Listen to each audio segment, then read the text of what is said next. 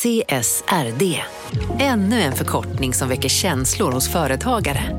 Men lugn, våra rådgivare här på PWC har koll på det som din verksamhet berörs av.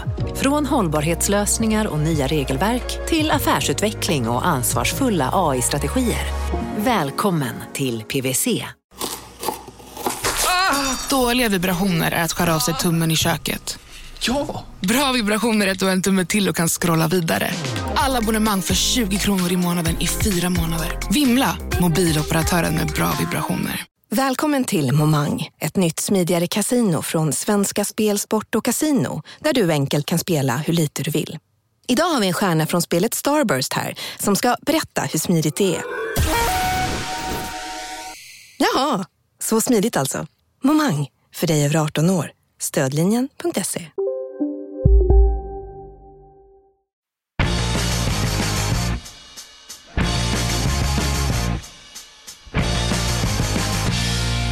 Blodbad för bitcoin och altcoins i spillror.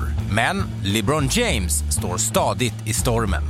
Hej och välkomna till kraschavsnittet av De kallar oss krypto. Podden som kommer hålla dig i handen när det blåser som mest. Jag heter Mårten Andersson och med mig som vanligt är Harpan. Gunnar Harjus. Harpan, den har jag aldrig hört förut. Är det- Aldrig? Nej, jag är, jag är inte en så smeknamnskompatibel person generellt. Men hur känns Harpan? Känns det som någon som går på Solvalla och spelar och dricker, dricker ur medhavd väska? Det har jag i och för sig ingenting emot alls. Eh, Jag tänker bara på patiensen Harpan som jag har spelat kanske 10 000 timmar i mina dagar på, på datorn. Eh, Okej. Känner, du känner inte till? Du har haft roligare liv än att ha spelat Jag Harpan. har, spelat, jag har spelat, när det gäller patiens så har jag spelat, kan den heta Idioten? Ja. Några gånger. Exakt. Ja, den är Nej, ju... men Harpan känner jag inte till. Ja, det är en klassisk, en klassisk patiens som fanns på typ så Windows 95. Eh, som Okej. ett enda förprogrammerade spel. Så att så Gunnar Lite Harrius Snake, ny... kortspelens Snake.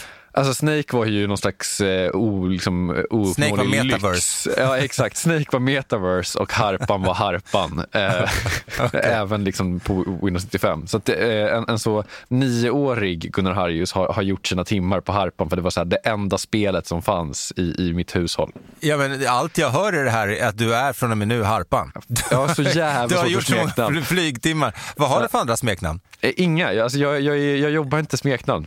Det, det, tar emot i själen att höra ett smeknamn. Som kallar. Men eh, alltså, det är också så att man, man kan och får ju inte styra över sånt här själv heller. Nej, jag vet att mina, när jag var yngre så försökte folk få till Morre. Men jag Ja. vet inte, jag gillade aldrig det där. Nej. Eh, Min serbiska släkt, de refererade till mig nästan allihopa som Mocki. Mocki? Mocki. Men Betyder det gillar jag någonting faktiskt. eller är det... Nej, det är väl en, liksom en, en, en Mårten är lite svårt för dem att säga. Eh, och. Ö är ju inte riktigt serbiskans. Eh, de har ju inte så Styrka. mycket vokaler. Srbski. De, är, de verkar hata vokaler i, i det där språket. Så att då blev det Mocki istället för Mårten. Ja, just det. Eh, det om oss, eh, tycker jag. Och Får jag, får jag bara säga en grej om jag får avbryta? Ja, ja. Det, om jag låter lite konstigt så, det, så sitter vi inte i en studio tillsammans. när jag är i studion Ja. och du är... Ja, hemma, för jag har covid. SARS-CoV-2. Eh, Och visst, man får aldrig reda på vilken variant det är man har. nej, men nu måste det vara, vad heter den, omikron. Eh, alltså, det, alla jag känner. Du känner i toppen och bara vill ut och, ut och idrotta. Ja, men- noll jag typ- symptom. Jag har typ lite ont i huvudet, och, eh, men eh, jag är absolut smittad och eh, har gjort olika tester och sånt där. Så att, eh, ja, Ja, sorry. men krya på dig. Hörru du, Ja. eh, Gunnar, det har ju varit en händelserik vecka och tanken var ju eh, den här gången då i det här avsnittet att vi skulle haft Coinshares, våra sponsorers, VD, ingen mindre än vdn, Jean-Marie Mognetti som gäst idag. Men eh, vi tänkte att vi ska prata med honom lite bredare och generellare kring krypto i stort och bitcoin och så vidare och kanske vad Coinshares har för planer framåt och eh, hur de tänker som bolag och massa annat. Men vi skjuter på den intervjun till, till eh, lite framåt för att då istället ha bjudit in en gäst som kan kommentera det nuvarande läget eh, istället. Så, Precis. ehm, ja. Ja, vi tänker på det här som lite så kanske samhällsservice för kraschdrabbade. Ja, hur ska man tänka? Vad är det som händer? Vad kommer att hända? Eh, låt oss killgissa tillsammans i dagens avsnitt att de kallar oss krypto. Eh, skämt åsido, eh, jag tror att eh, det, det är att förminska vår gäst och säga killgissa i det här fallet därför att om det är någon som har balanserade åsikter kring både makroekonomi och eh, även krypto. Eh, allt som oftast så är det då våran gäst Johan Javeus från Mm. SEB. Exakt. Men du och jag kan stå för lite killgissning kanske. Ja, men, men det finns ju glädjeämnen även i krypto fortfarande, även om kursen vacklat den senaste tiden. Och för egen del då så har jag tänkt, eh, om, om, en, om möjligt, ännu mer på NFTs. Eh, eh, vill du höra lite vad jag tänker? Ja, ja visst. Absolut. Jag har Ja, men- också jag har läst mycket om NFTs i veckan faktiskt. Vad, och vad, vad tar du med dig av det du har läst? Eh, jag, tyvärr tror jag kanske eventuellt lite mm, motsatsen till det du kommer komma fram till. Vi kan ta det. Jag vill höra vad du har tänkt på kring NFTs. Ja, men för det första så har jag ju under en längre tid haft idéer på, eh, utifrån att ha skannat väldigt många av de största plattformarna eh, i världen på NFTs. Det finns ingen comedy. Det finns inga roliga NFTs och jag jobbar ju då både som komiker eh, sedan 20 år tillbaka och även med klubben Raw, standup-klubben Raw i Sverige, eh, med, som har funnits sedan 2004. Och tänkte då naturligtvis, eftersom jag också är intresserad av krypto och eh, konst, att vi borde göra något sånt projekt. Och båda, jag sitter och jobbar med två olika, en konstnär och jag sitter och jobbar med en animatör, eh, plus manusförfattare har börjat kontaktas så att det kommer att komma i eh, raw NFTs helt enkelt inom inte allt för kort tror jag. Ja, cool. Det väl, känns väldigt roligt. Eh, och eh, tanken är att det här ska vara roliga, eh, eh, lite comedy meets art är vad jag vill göra. Eh, men dessutom så har jag köpt eh, mer NFTs. Ja. Jag kunde inte låta bli. Jag har, Jag har inne i... sett någon, eh, någon apa flimra förbi. Mm, en 3D-apa, eh, det är då Elrond Apes. Eh, för det är ju ytterligare, jag har ju tjatat hål i huvudet på folk om Luna, Terra Luna-nätverket, men jag är också inne i något som heter Elrond som jag tror väldigt mycket på. Och de har då eh, nyligen börjat lansera massa NFT-kollektioner och det här tyckte jag var den absolut fetaste. Så jag lyckades haffa en apa eh, som eh, har stuckit ordentligt i pris, eh, kan jag säga. And what? How did you pick? Because you can pick your your your ape. Yes, I was going through a lot of them, and I was like, I want something that like kind of reminds me of me, but I, I, this one, it's it does. I think we we made like another version of it where he takes the hat off and blonde hair comes out. So, Yeah, because you can do it now whatever you want. mhm, animated version. We're part of the same. We're part of the same Oh, community. We're both yes. apes. I love it. Uh, here, my. This is my ape. Yours. Och det är så kul att grotta ner sig i NFT-världen därför att jag har känt lite grann att vi gör den här podden, det är superkul, vi träffar massa spännande gäster och sådär. Men jag har tappat lite, lite, lite grann av den här elden som jag hade inom mig för ett och ett halvt år sedan när jag upptäckte krypto och det var som Narnia liksom. Men med NFTs nu så har jag fått tillbaks den där gnistan och elden i att lära mig ännu mer om något nytt, för det är ju ett helt eget space. Och att förstå, för i början så här köpte jag lite på måfå, men nu har jag verkligen fattat och beviset då på att min apa redan har gått upp 150% i pris på bara två dagar efter att jag köpt den, säger ju en del om att jag faktiskt tror att jag träffat rätt den här gången. Ja, det så låter det ju onekligen rent prismässigt. Att floor price som det kallas för då, minsta priset som folk är beredda att sälja för, eh, det är, har ju stuckit då ordentligt. Ja, jag, vet inte, jag, är, alltså, jag, jag måste erkänna att jag går motsatt väg mot, mot dig här Mårten. Eh, Ja, låt mig höra, vad spännande. Vad gäller, alltså, fra, alltså, vad det gäller konst, NFT, att jag... Ju mer jag läser, desto mindre eh, känner jag att jag förstår eh, den stora thrillen i, i, i det. eh, jag, jag är all for liksom, att man skulle kunna äga ett konstverk och sådär. Men det jag känner, det vi pratade om lite förra veckan också, att man äger det ju inte riktigt. Man äger liksom kvittot på det på något sätt. Jag förstår att det här är en sliten sak att säga, men, men eh, det är ändå... Jag, jag, jag det är möjligt att det här bara är en utbildningsfråga. Jag är verkligen öppen för det. Eh, Men, men jag, jag har lite svårt att komma runt den känslan av att eh, jag kan inte se mig själv köpa liksom NFT-konst för att använda... Det, det, jag kanske bara är för jävla gammal helt, helt enkelt också. Nej men det faller ju på att jag är otroligt mycket äldre än vad du är. Jo, men jag... ung i sinnet. Ja, det får man ändå säga kanske. Det är Ja. väl barnen som gör mig ung i sinnet.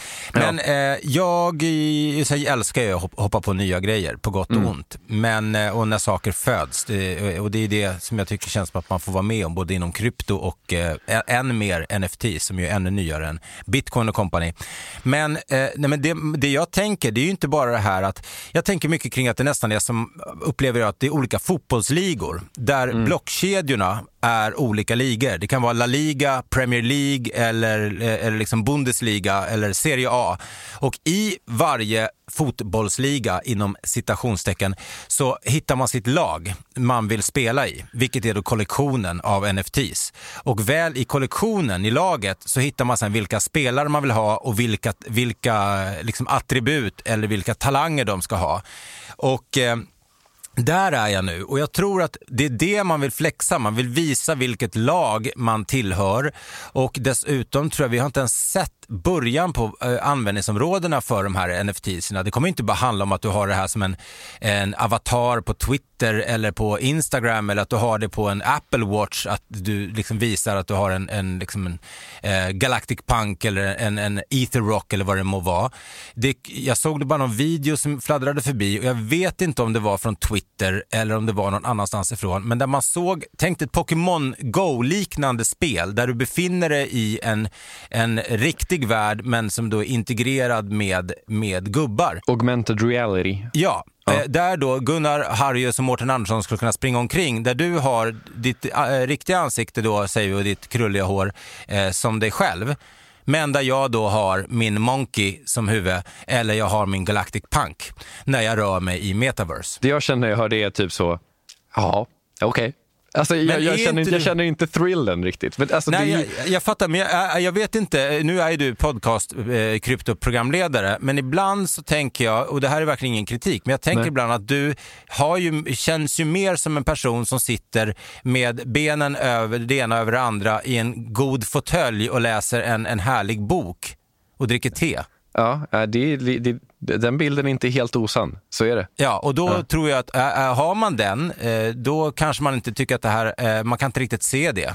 Nej, men, men så här, bara stolpa upp saker jag inte gillar med NFT just nu. Mm. Uh, A. Prishetsen. Gunnars lista. Ja, men exakt. Nu får du Gunnars lista. Okay. Ja. Så nummer ett, prishetsen. Jag tycker att det är vansinnigt att det är så prisfokuserat. Jag tycker att det är osunt och jag tycker att det föder fel liksom, incitament i, i varför man ska ge sig in i det här. Nummer mm. två, jag har ännu inte hittat en eh, liksom, kollektion som faller mig i smaken rent estetiskt. Eh, de är väl, jag tycker det känns ganska likriktat just nu och jag tycker att det känns som att eh, det finns liksom en NFT-stil och den stilen är inte min stil. Och jag, därför så har jag svårt att känna liksom känslan av wow när jag ser, ser de här bilderna.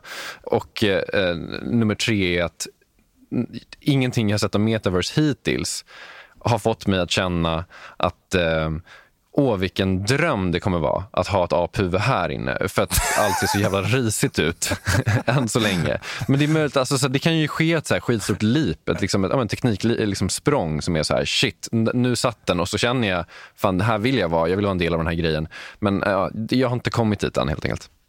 Men det var det jag kände med de här Elron Apes. Alltså jag har ju köpt flera olika grejer. Jag köpte någon sån stylish studs på Solana som är som hästar, hästhuvuden med kostymer och liksom mustascher och, och, runda glasögon och hattar och sånt. Det var de första NFT jag köpte som jag tyckte var snygga. Jag kan mm. förstå det här att man tycker det är helt galet att folk betalar flera miljoner för pixliga bilder och sånt. Men jag tror det kommer handla mycket som jag sa om tillhörigheten till laget. Att visa vilken blockchain man var tidig in i. För vi ska komma ihåg, eh, oavsett om man citerar CTO Larsson eller någon annan, att i krypto, där vi är idag, så är vi, när man går och håller en NMT-telefon med en stor väska och en snurrig sladd, mm. så är man, vi är tidiga som fasen och jag tror att det kommer vara, eh, är man tidig så, det behöver inte alltid vara bra, men jag tror i, i samlar, eh, att samla konst kan det vara det. Men tiden får väl utvisa vem av oss som hade rätt. Eh, jag kanske har kastat bort en halv förmögenhet här på, på apor och hästar Eh, Eh, och annat. Eh, det visar sig ju. Ja, men exakt. Alltså, jag ser inte det här som en battle eller någonting. Och jag är, alltså, så, så länge du eh, känner att du har gjort, eh, alltså, nu sa du att den har stigit i pris, kanon, jättekul. Liksom. Och om du har köpt någonting som du tycker är snyggt och kul och coolt och som du vill använda så, så här, ja, kör verkligen. Jag, jag, jag är liksom inte anti. Jag bara känner så här, det här, hittills är det inte för mig. Nej, men också eh, jag köpte faktiskt för något blygsammare summor den, den apan jag köpte. Men jag satt och kollade på några av de här, alltså för jag tycker de här är riktigt coola. Alltså riktigt, riktigt coola. Och just att de tar något nytt till, till eh, NFT-spacen. Jag har inte sett eh, några NFT som är, är, är, så här snygga. Vill ni se förresten hur min Monkey, min Elrond Ape ser ut så gå in på Martin Andersson eh, eller på Eh, på Twitter eller Martin Andersson 1974 på Instagram så ligger den där plus lite andra NFT-köp som jag har gjort. Jag la upp dem här i veckan. Det cool. om NFTs tycker jag. Ska vi ta oss vidare i dagens program?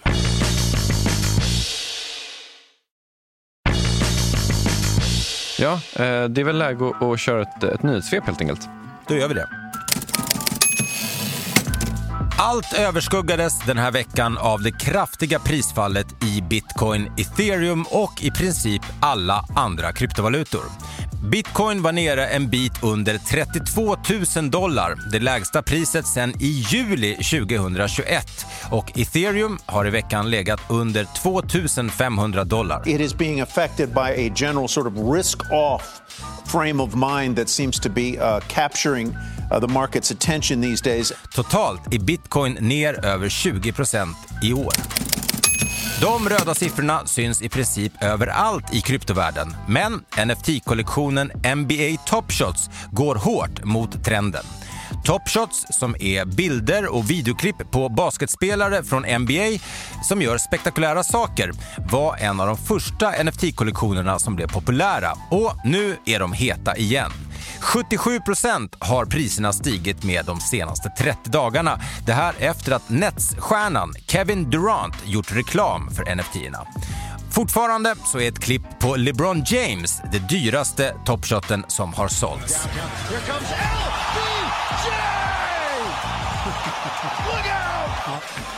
Twitter stödjer nu verifierade NFT-er som profilbilder. Du har såklart kunnat ha din NFT som profilbild sedan länge, men från och med förra veckan kan du också bevisa att det är du som äger bilden. Profilbilder som har bekräftats markeras nämligen av en hexagonram istället för Twitters vanliga runda ram. Finansinspektionens generaldirektör Erik Thedéen påminde i veckan världen om inspektionens inställning till bitcoin mining. I en intervju med Financial Times sa Thedéen att proof of work mining har blivit ett nationellt problem och att ett EU-förbud av metoden behövs. För mer om Finansinspektionens syn på krypto, lyssna gärna på avsnitt 35 av De kallar oss krypto. Även andra länder går hårt åt krypto den här veckan. Rysslands centralbank har lagt fram ett förslag om att förbjuda finansiella aktörer från att använda krypto. Också England, Spanien och Singapore har presenterat regleringar för krypto den här veckan. Det handlar om begränsningar i vilken reklam kryptobolag får göra. Hädanefter ska kryptobolag följa samma regelverk som finansiella aktörer. Blockkedjan Phantom är nu världens tredje största DeFi-system. Med över 12 miljarder dollar i inlåsta pengar, alltså pengar som till exempel lånas ut eller förräntas, så har Phantom gått om Binance Smart Chain i storlek. Fortfarande är ethereum och Terra större än Phantom. Att kryptoinvesterare får flippa burgare när marknaden kraschar är ett vanligt skämt på Twitter. Efter veckans katastrofsiffror har också McDonalds hakat på skämtet och twittrade i måndags “How are you doing people with crypto Twitter accounts?” Tweeten ledde till att kryptoinvesteraren Michael Saylor la upp en bild på sig själv i McDonalds-keps och Gemini-vdn Tyler Winklevoss skrev att han ville köpa McDippen. Trots det kraftiga tappet på bitcoin skulle Sailor vara tvungen att jobba 5000 timmar på McDonalds för att ha råd med bitcoin. Ja, Gunnar, var det någonting i, eller förlåt, Harpan, var det någonting du reagerade på i nyhetssvepet? Um, nej, jag vet inte. Jag, jag, hängde med en del när, när um, det plötsligt började dyka upp um, hexagoner på, på Twitter och folk hade NFT-bilder och sådär. Mm. Uh, och uh, sättet det nådde mig på var att olika så uh, amerikanska comedy writers höll på att håna alla som hade en hexagonram. jag vet inte, det, det, det tycker det säger någonting om hur, hur, uppdelat det är, vad man tycker om krypto. Nu, kommer, nu kan de liksom se dem komma från from a mile away. Lite så. Jag är liksom lite kluven också, för på ett sätt så är det som... Det blir lite skrytsamt kan jag tycka. Förstår du vad jag menar? Mm. Men samtidigt så är det väl lite så här, det, okay, kolla mig, jag har lagt de här pengarna på den här, eller jag äger den här på riktigt. Eh, jag har, alltså, om någon skulle ta min apa och lägga upp det på sin, vad ska jag göra? Jag kan inte göra så mycket. Ja, då kanske jag skulle lagt upp eh, en, en rundring runt, men annars känner jag inget behov av att stoltsera med att jag äger den. Det får man väl bara utgå från att jag gör. Just det, precis. Men det blir väl ett sätt att eh, skilja copycatsen från, från vetet helt enkelt. Att så här, det du pratade om tidigare med liksom gemenskap och fotbollslagen och sådär. Nej, nej, nej. Jag, jag håller på det här fotbollslaget och jag går på deras matcher. Här är, här är matchbiljetten liksom. Ja, Eh, ex- medans- exakt. Lite så. Annars då? Du, du skickade den här Donken-nyheten till mig. Jag tyckte det var lite kul. Ja, det är, det är deras M då som egentligen visar hur kursen har gått för bitcoin den senaste tiden. Eh, I'm loving it. Inte så mycket. Det Nej. får, bli, det får gärna bli ett, ett M till fast den stannar där uppe ett litet tag på övre delen av M. -et. Just det. Du, ska vi, eh, på tal om, eh, om kurvor som ser ut som M, ska vi reda ut varför kurvan ser ut som ett M och ta in vår gäst? Ja. Han är bankstrategen som kombinerar glasklara makroanalyser med ett stort kryptointresse. Vi eh, säger varmt välkomna till SEBs Johan Javeus. Tack så mycket. Kul att vara här. Väldigt kul att vara här. Vi har ju setts en gång du och jag på ett annat sammanhang fast då satt vi inte i samma rum. Nej, precis. Nordnet Live där vi fick prata krypto. Du, eh, innan vi börjar och frågar hur, hur du mår i dessa dagar och, och vad det är som händer med den här kraschen egentligen vad vi tror kommer hända eh, framåt och sådär, så undrar jag hur stor del av din, eh, din tid är du i makro versus krypto? Alltså, jag skulle nog säga att det beror lite på vad som händer med krypto. Eh, är det ett, vi, eh, SEBs intresse för det här det är ju beroende på att många eller allt fler av våra kunder är intresserade av det här nya tillgångslaget. Och vi erbjuder inte några egna produkter eller tror jag ens har några planer på att göra det mm, inom krypto. Men det finns ett intresse från eh, både stora och små kunder för det här nu. Och det, eh, där har vi en uppgift att fylla, att försöka komma med råd och, och information kring, kring det här. Och krypto, det rör sig mycket upp och ner och ibland är det stekhett och ibland är det iskallt. Och det är väl lite det som, som styr även min, hur mycket tid jag lägger på det här. Ja, Men men det det har blivit mer och mer eh, vart efter tiden har gått. Så är det ju helt klart. Och Vad är din tanke utifrån eh, att vara eh, bankman, om vi då kallar det för det, och att ni har ett ökat intresse från era kunder, men ni inte vill erbjuda dem krypto? Hur går tankarna där? Ja, men jag, jag, jag försöker egentligen att lämna, för det här är ju ett eh, beslut som jag tror att alla banker har tagit idag, att eh, man är inte beredd att ge sig in i det här. Och jag tror att för att banker eh, och då pratar jag inte bara SEB, utan banker både i Sverige och i andra länder ska börja bli mer aktiva inom det här, så krävs det att vi reder ut de här regelfrågorna. Det måste komma spelregler på plats för vad man får göra och vad man inte får göra och hur man ska göra olika saker med den här typen av tillgångar för att minimera också de risker som finns med penningtvätt och, och, och, den typen av illegal verksamhet. Och, Är det det du menar med spelregler? Eller? Ja, spelregler helt enkelt att reglera finansmyndigheter i olika länder, att de kommer fram med att det här är ett regelverk som ska kunna användas för den här typen av finansiella tillgångar. Och innan det är på plats så tror inte jag att speciellt många banker kommer vilja ge sig in i det här. Men, men är det så att ni liksom på SEB står vid sidan om och väntar in det här regelverket eller är ni med och driver på för ett regelverk? Om ni märker liksom att era kunder vill eh, använda sig av kryptotjänster skulle man kunna tänka sig att ni Eh, också liksom bedriver någon slags lobbyverksamhet helt enkelt. Gör ni det? Nej, alltså jag ska säga så att jag är inte rätt person att svara på det, men, men min gissning är nog att bankerna kanske inte lobbar för det här, utan eh, jag tror att man, man, man avvaktar och ser var myndigheter kommer att sätta ner foten kring hur man ska se på kryptovalutor eh, och även andra tillgångar. Eh, men bra Johan, då går vi in på varför du är här egentligen då. Eh, det har ju varit enormt skakigt på eh, kryptomarknaden och även traditionell börs i starten av året. Så om vi börjar där, hur, hur mår du utifrån en, ett, ett personligt investeringsperspektiv idag? Men jag mår rätt så bra faktiskt. Och, Eh, jag, har, jag har inga stora investeringar själv i just kryptovalutor så att eh, just den huvudverken har man ändå sluppit av. Mm. Men, men det har ju stormat även på börserna och, och där tror jag att eh, många fler, och även jag själv, då, har en större exponering. Och det är klart att de här två sakerna hänger ju ihop. Och eh, börserna skakar nu framför allt beroende på att eh, allt fler börjar oroa sig för att vi kommer att lämna den här nollräntemiljön som vi har haft under många år till att då röra sig mot högre räntor, kanske inte jättehöga räntor, men ändå högre räntor än vad vi har idag. Och det är någonting som, som skapar oro på, på aktiemarknaden och eh, i och med att vi då har sett under ett antal år att allt fler investerare börjar investera i kryptotillgångar vid sidan om sina andra traditionella tillgångar som fastigheter och, och aktier och annat, så är det också rätt så naturligt, tycker jag, att de här tillgångarna börjar korrelera mer. Eh, om man vill dra ner risken i sin portfölj, ja då säljer man både aktier och, och, och kryptovalutor. Mm. Och, och, den här korrelationen som många menade inte skulle finnas just mellan kryptovalutor och andra typer av tillgångar, den finns ju där idag på ett sätt som eh, den inte fanns för, för fem år sedan. Ja, för det där har man ju hört mycket eh, folk prata om, just att, att krypto skulle vara en, en, en hedge mot inflation och, och eh, kanske traditionella marknader. Men det som man har sett nu, eh, rätta mig om jag har fel, är ju att när folk pratar om att man, vill, man ville ha med Wall Street och så vidare i krypto, på kryptotåget. Men nu när man har fått det, då blir ju det också, precis som du säger, att det korrelerar, att krypto korrelerar med traditionell aktiehandel. Ja, absolut. Ja. Uh, och det, är ju, det må vara en hedge mot, mot inflation i förhållande till, till vanliga fiatvalutor.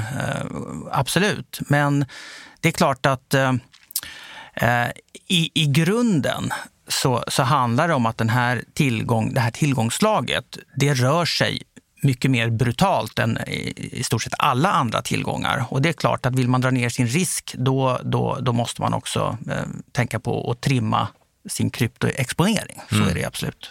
Men ska vi bara ta det då så här. Eh, vi försöker, ibland försöker vi säga att vi är en eh, inkluderande podd och om vi verkligen ska, ska gå full on inkluderande podd här. Eh, att eh, eh, den här då riskaptiten, att folk inte vill ha eh, så mycket risk längre och att det har att göra med räntorna. Om man bara så räntor 101, varför skulle det påverka eh, aktiemarknaden? För det kanske inte är jättelogiskt för alla. I princip kan man väl säga så här att om du ska värdera ett, eh, ett företag så är det så att du värderar alla det här företagets förväntade framtida vinster och så kommer man fram till vad är det här värt idag. Och om räntorna är låga, då blir så att säga den här eh, nuvärdesvärderingen bättre och, och, och, och högre än om räntorna då skulle vara höga. Så att när räntorna stiger, då, då faller så att säga den här teoretiska värdet som man ska sätta på ett företag. Och sen är det också så att vi har, vi har, vad vi ser på aktiemarknaden nu är att vi har en sån här sektorrotation också. Det vill säga att man lämnar de här eh, snabbväxande företagen som har sina vinster långt in i framtiden och så går man till företag som är mer stabila och traditionella och, och tjänar bra med pengar här och nu. Och, och det är också ett utslag av det här att när, eh, när räntorna stiger då blir de här, värdet av de här framtida vinsterna mindre än vad de är när räntorna är, är, är nära noll. Så att eh, på det sättet så, så, finns det en logik i det här. Och, och, nu är det så att vi är inte, eh, jag tror inte att någon egentligen är orolig för att räntor ska sticka iväg och bli jättehöga. Men det är en stor skillnad eh, om räntorna ligger på noll eller om de ligger på 2% eller om de ligger på 4 men om jag sitter, bara för att precis som Gunnar säger, vara en inkluderande podd, det är eh, eh, så mycket som det går. Om jag sitter med lån på mitt hus och ränteläget förändras här, vi säger det från 0 till 2 procent, eh, eh, eh, vad händer då? Ja, men det som händer är att eh, eh Låt oss säga då att Riksbanken höjer sin ränta, eh, vilket jag ska då vara tydlig med att det, är inte vår prognos att de ska göra i närtid och det är inte Riksbankens egen prognos att de ska göra i närtid heller. Då, då. Men, men, låt oss säga, bara, bara för exemplet, att, att, de, att de gör det. Då är det klart att då blir ditt bolån eh, betydligt dyrare. Och det betyder att du får mindre pengar över till eh, att göra andra saker. Eh, och det betyder också att eh, du kanske vill dra ner din risk lite. Det betyder också att värdet på din... Det betyder fast... att jag kan inte köra hävstång, är det det du säger? Nej, precis. Det blir dyrare i alla fall att köra hävstång. Ja. Men man kan ju säga så här att eh, om, man, om man tänker sig den, den vanliga bostadsköparen idag, tror jag, i Stockholm, om vi, eftersom vi befinner oss här. Vad de gör när de ska gå ut och leta efter eh, en ny lägenhet, det är att man slår ihop sina inkomster och så ser man okej, okay, så här mycket kan vi lägga på vårt boende. Och så ser man, räknar man baklänges och ser att det här kan vi låna för, så här mycket kan vi gå ut och handla för. Och där någonstans hamnar priserna. Mm. Men om räntan då stiger två procentenheter, då blir den där summan man kan handla för mindre.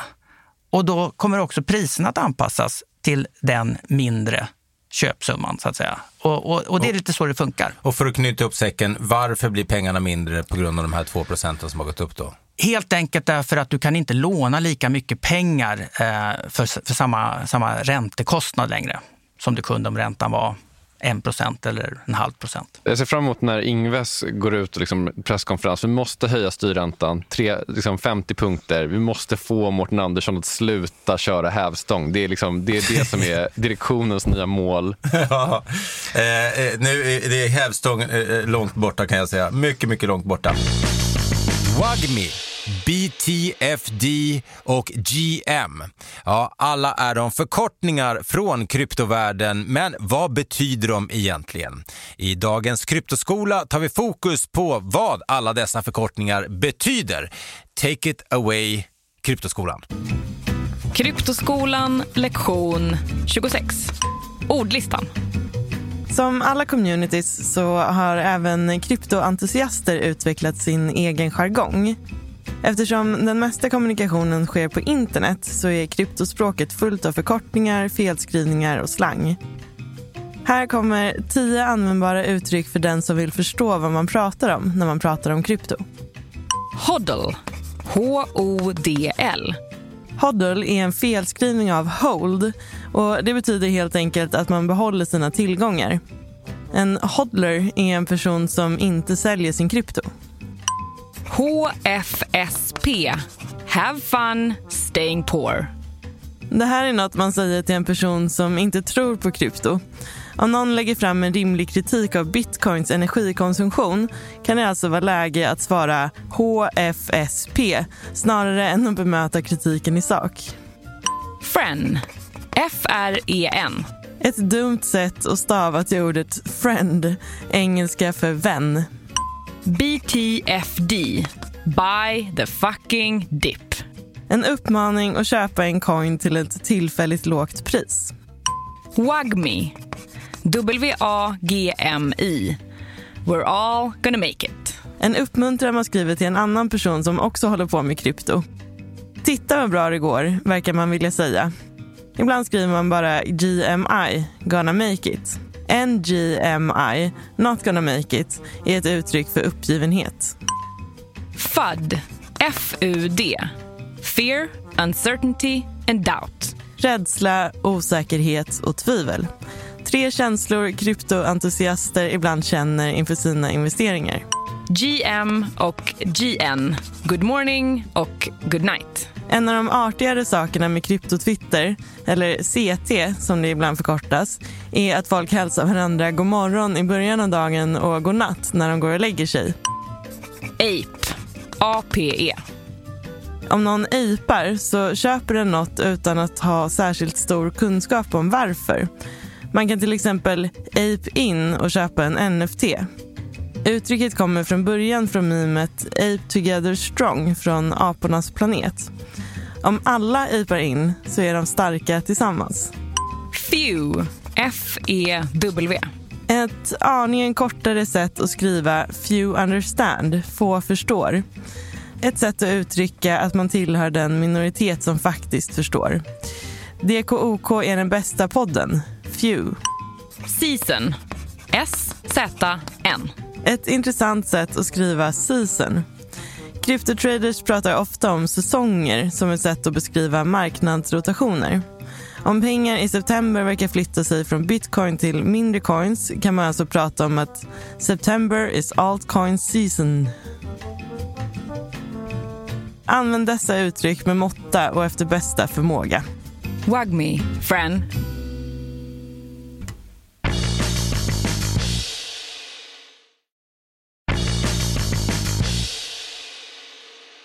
När vi spelar in det här då, då är det tisdag eh, och det sänds då torsdag. En väldigt viktig dag emellan om man pratar om krypto och även traditionella börser då. För imorgon har då Fed när vi spelar in det här imorgon så har Fed sitt eh, möte, vilket de har då var sjätte vecka, där då eh, Jerome Powell och company eh, kommer att prata om, eh, om just räntor. Vad, vad, vad, är det här för möte och vad kommer hända, tror du Johan? Ja, det är ju vad hela världen sitter och undrar eh, över just nu. Vad kommer hända? Men jag tror inte att man ska vara så orolig för vad som kommer presenteras på det här mötet. Utan Fed är, det är en centralbank som är väldigt duktig på att guida marknaden, som man säger. Helt enkelt att i förväg förbereda marknaden på vad man tänker göra. Så att när väl själva beslutet kommer så ska det inte vara en stor, en stor överraskning som ger upphov till en krasch eller, eller en stor uppgång. Så. Ehm, och Fed har under de senaste månaderna, halvåret, blivit allt mer hökaktiga i takt med att vi har fått se en snabb ökning av inflationen i USA. För, eh, för ett år sedan så låg den på tror jag 1,5 procent drygt och idag är den uppe på 7 procent. Och det här har centralbanken varit tvungen att agera på genom att säga att nu kommer räntehöjningarna snabbare än vad vi sa tidigare och eh, vi kommer dessutom att, att dra ner på de här tillgångsköpen snabbare än vad vi, än vad vi har sagt tidigare. Mm. Och det här är en åtstramning av penningpolitiken, eh, både i form av högre räntor och i form av mindre stimulanser i form av att man trycker nya pengar. Och det är klart att det här påverkar marknaderna. Och vad man förväntar sig om mötet den här veckan, det är egentligen att nu ska Fed i princip säga att nästa steg blir att höja räntan, ett första steg då på nästa möte i mars. Mm.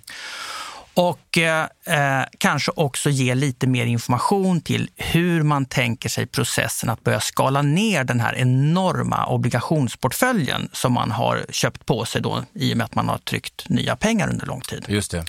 Eh, så det är väl de två huvudsakerna. Sen finns det lite spekulationer då, eh, alltid i marknaden om att ja, men vad, vad, vad är risken för att Fed då inte väljer att signalera att man ska höja räntan med 25 punkter som nästan alla tror, utan kanske istället säga att ja, men det blir 50 räntepunkter, en halv procentenhet redan i mm. mars. Eh, personligen tror jag att den risken är väldigt liten, men, men eh, det spekuleras ju mycket. De, i, I de grupper som jag är med i, ett antal olika WhatsApp och Telegramgrupper och sådär, där sitter en del väldigt duktiga människor.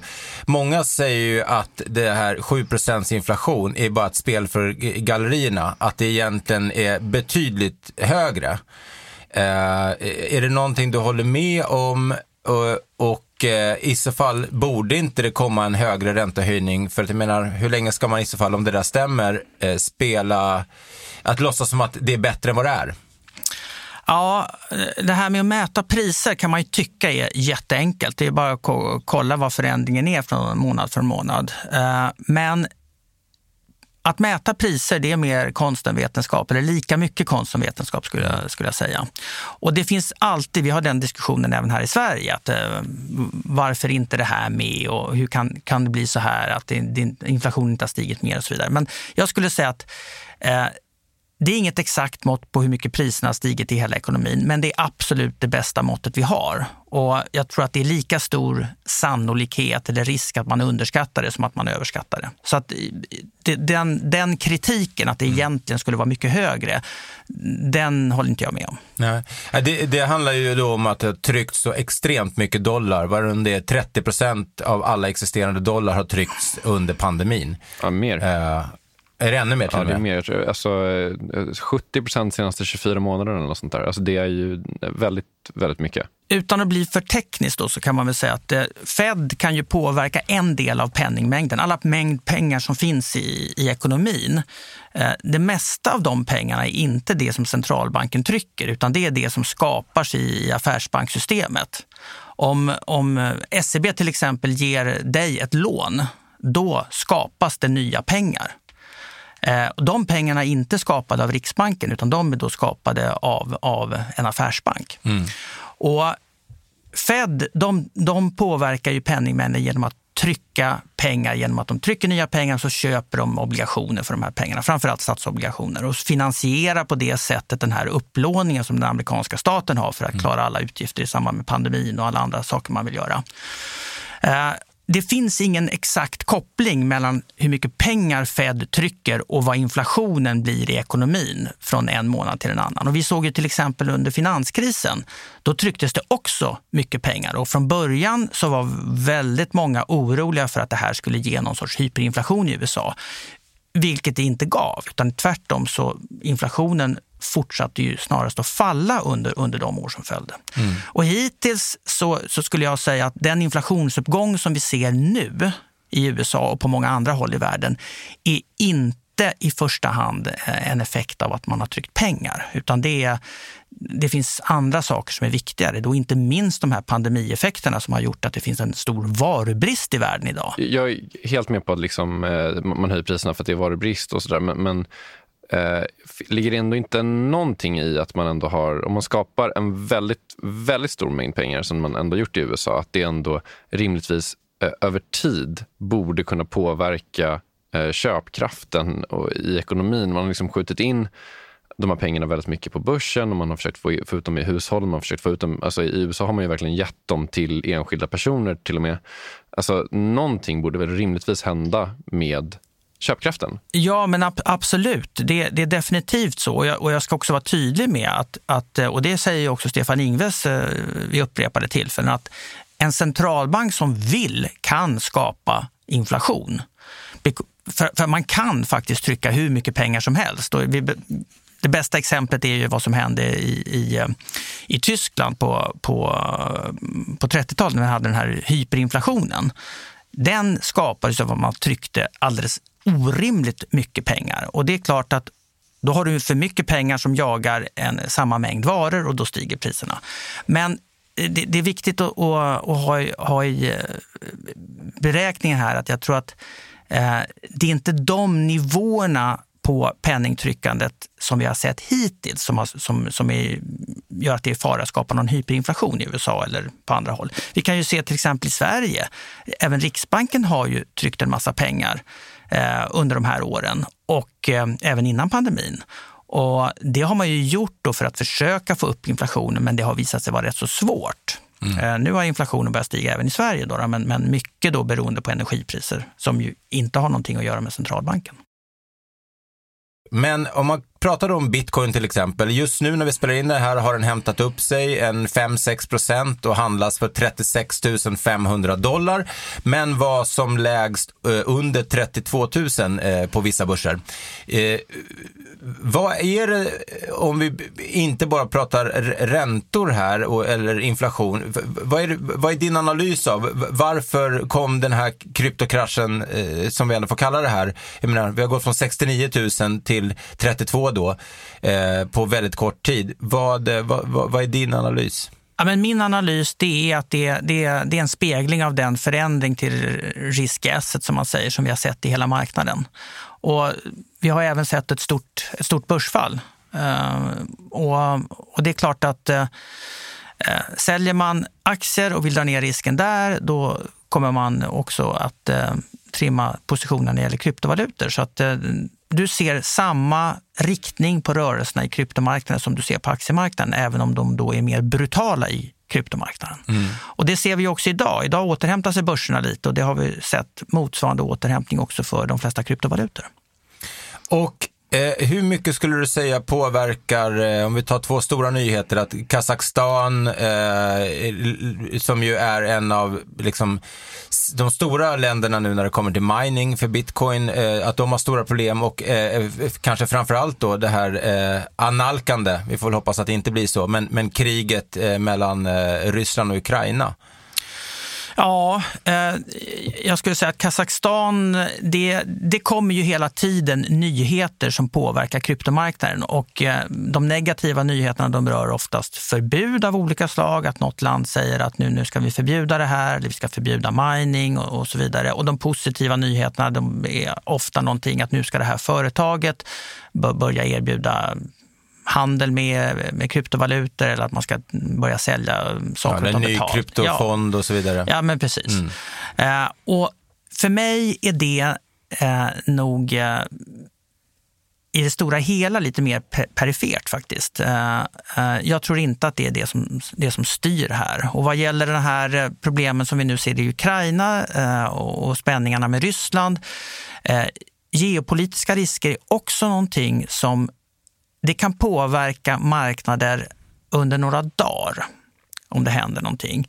Men en väldigt bra tumregel för en investerare, och det kan jag liksom verkligen säga att det här tror jag på till 100 procent, det är att strunta i geopolitik om du är någorlunda långsiktig. Och då menar jag allt över daytrading i stort sett. För det, det är mycket sällan som det påverkar vart en marknad är på väg. Vare sig det handlar om aktiemarknaden, eller räntemarknaden eller kryptovalutor. Eh, därför att den enkla anledningen är att det ändrar så att säga inte förutsättningarna för ekonomin på något dramatiskt sätt. Nej. Så att jag, jag, jag är inte orolig för den geopolitiska utvecklingen utifrån ett marknadsperspektiv. in... Fed är långt mycket viktigare om man säger så. Okej, okay, men du är inte orolig för Fed heller? Eh, jag är inte orolig eh, för Fed eh, därför att jag tror att, eh, och det är ju också, det här, jag vet inte hur mycket vi ska gå in på det här då, men, men, men mycket handlar ju om vad är vi på väg för mot, eller vad är vi på väg mot för inflationstrend på lite längre sikt. Och eh, då finns det ju de som säger att den här inflationsuppgången på 7 procent är bara början. Det kommer bara fortsätta och det kanske är samma personer som tror att den är underskattad idag. Då, då. Eh, men Fed själva och även de experter som jag pratar med, även de mycket kunniga experter som vi har på SCB som håller på, på i stort sett ägnar hela sin tid åt inflationsfunderingar och beräkningar och, och analyser.